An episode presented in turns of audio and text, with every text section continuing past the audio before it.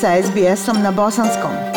Pronađite još sjajnih priča na sbs.com.au kosacrta bosnijan. Aisha, pozdrav tebi i slušateljima SBS radija. 1. augusta e, dužnost visokog predstavnika u Bosni i Hercegovini preuzeo je Kristijan Schmidt. E, Kristijan Schmidt e, se već 3. augusta sastao u predsjedništvu Bosne i Hercegovine sa članovima predsjedništva Bosne i Hercegovine, dakle sa predsjedavajućim predsjedništva Željkom Komšićem i članom predsjedništva Šefikom Džaferovićem. Novi visoki predstavnik Kristijan Schmidt eh, poručio je nakon ovog sastanka da će svoju dužnost obavljati sa odlučnošću da pomogne ljudima u Bosni i Hercegovini. Schmidt je poručio domaćim političarima da ne očekuju da će neko doći izvana raditi njihov posao i stvoriti čudo. Svi, prema riječima Schmidta, trebaju razmisliti šta i koliko kao pojedinci mogu uraditi da Bosna i Hercegovina uđe u Evropsku uniju. Nakon ovog sastanka, član predsjedništva Bosne i Hercegovine Šefik Džaferović zahvalio je Šmitu jer je preuzeo veliku ulogu za Bosnu i Hercegovinu te rekao da Bosna i Hercegovina mora nastaviti reformskim putem.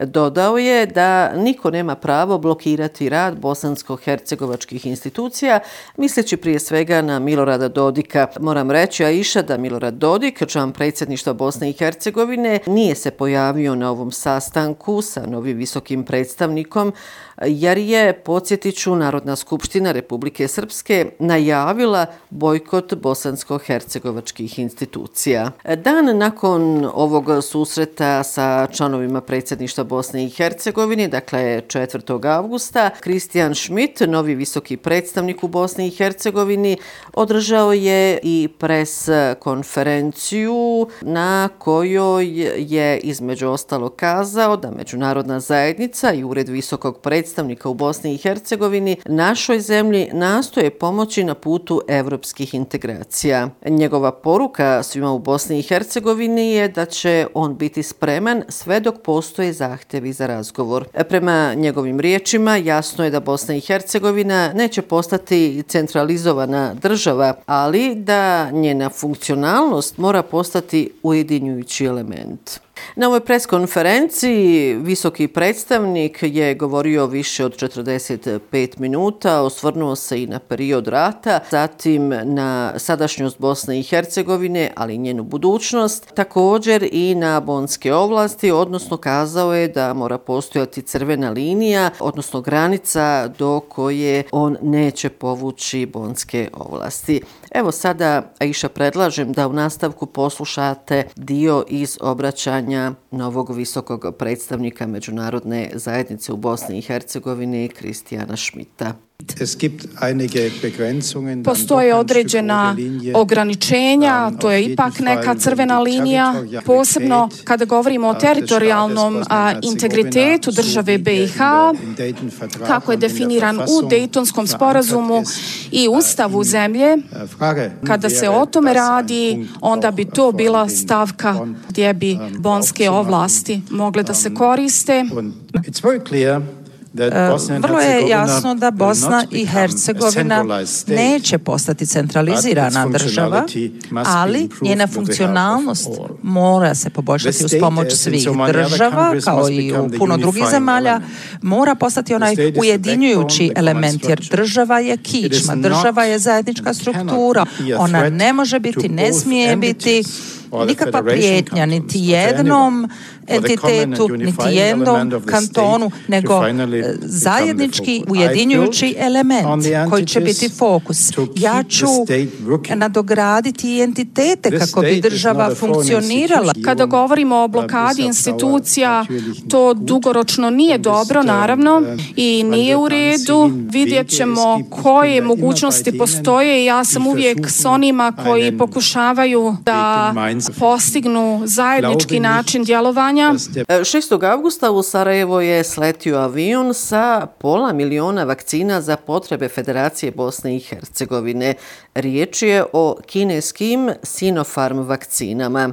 Vakcine su na aerodromu u Sarajevu dočekali vede direktora Zavoda za javno zdravstvo Federacije Bosne i Hercegovine Siniša Skoči-Bušić, zatim zamjenik ambasadora Narodne republike Republike Kine u Bosni i Hercegovini Mijao Dake i zamjenik premijera Federacije Vesko Drljača.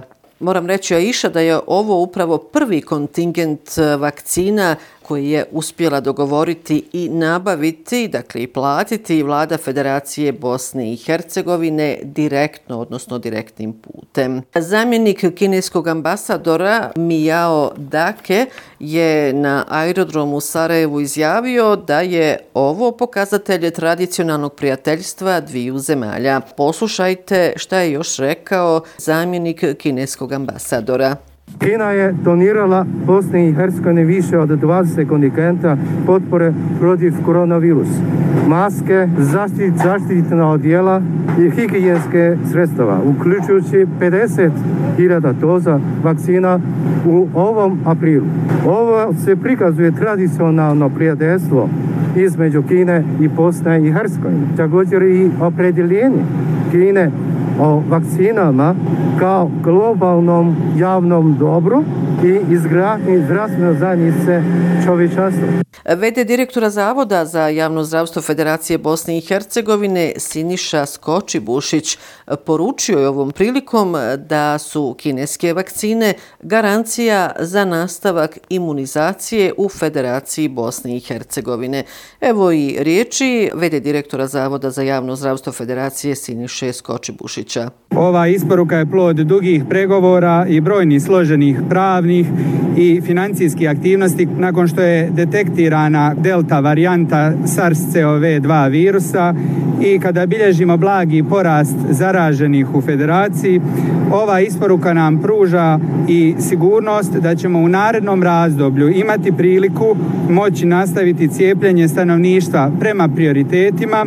Koristim prigodu pozvati sve građane da se cijepe u svim zdravstvenim ustanovama. Evo, prema posljednjim podacima u Bosnu i Hercegovinu je do sada došlo 2 miliona 214.610 vakcina protiv koronavirusa, a pretpostavlja se da je u Srbiji vakcinisano više od 70.000 bosansko-hercegovačkih građana. Zanimljivo je da smo kroz donacije dobili 35,36% vakcina preko COVAX i EU Health mehanizma 17,71%, a direktnom nabavkom 46,93% vakcina.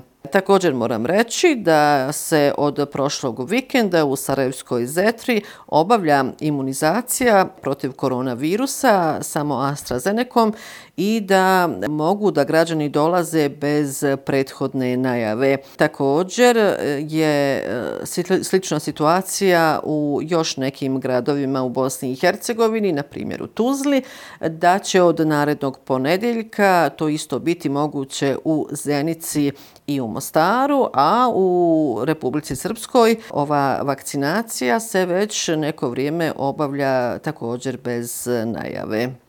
I evo za kraj još jedna informacija. Sa 26 glasova za i jednim protiv, Skupština Hercegovačko-Neretvanskog kantona usvojila je na sjednici 2. augusta amandmane na Ustav Hercegovačko-Neretvanskog kantona kojim se osiguravaju konstitutivnost srpskog naroda, ravnopravna upotreba jezika i pisama, te ispravka i usklađivanje naziva bosanski jezik sa Ustavom Federacije Bosne i Hercegovine. Ono Ono što su domaći mediji svi prenijeli, a to je dakle da su Srbi u Hercegovačko-Neretvanskom kantonu postali konstitutivni. E, Tomislav Martinović, zamjenik predsjedavajuće kantonalne skupštine, izrazio je nadu da će se, kako je naveo, ova dobra poruka iz Mostara i Hercegovine čuti malo dalje kada su u pitanju i izmjene izbornog zakona. Eto, Iša, toliko ovoga puta iz glavnog grada Bosne i Hercegovine. Još jednom vam lijepe pozdrave iz Sarajeva šalje Semra Duranović-Koso. SBS na bosanskom. Podijelite naše priče preko Facebooka. Želite poslušati još ovakvih priča? Slušajte preko Apple podcasta, Google podcasta, Spotify ili kako god da primate svoje podcastove.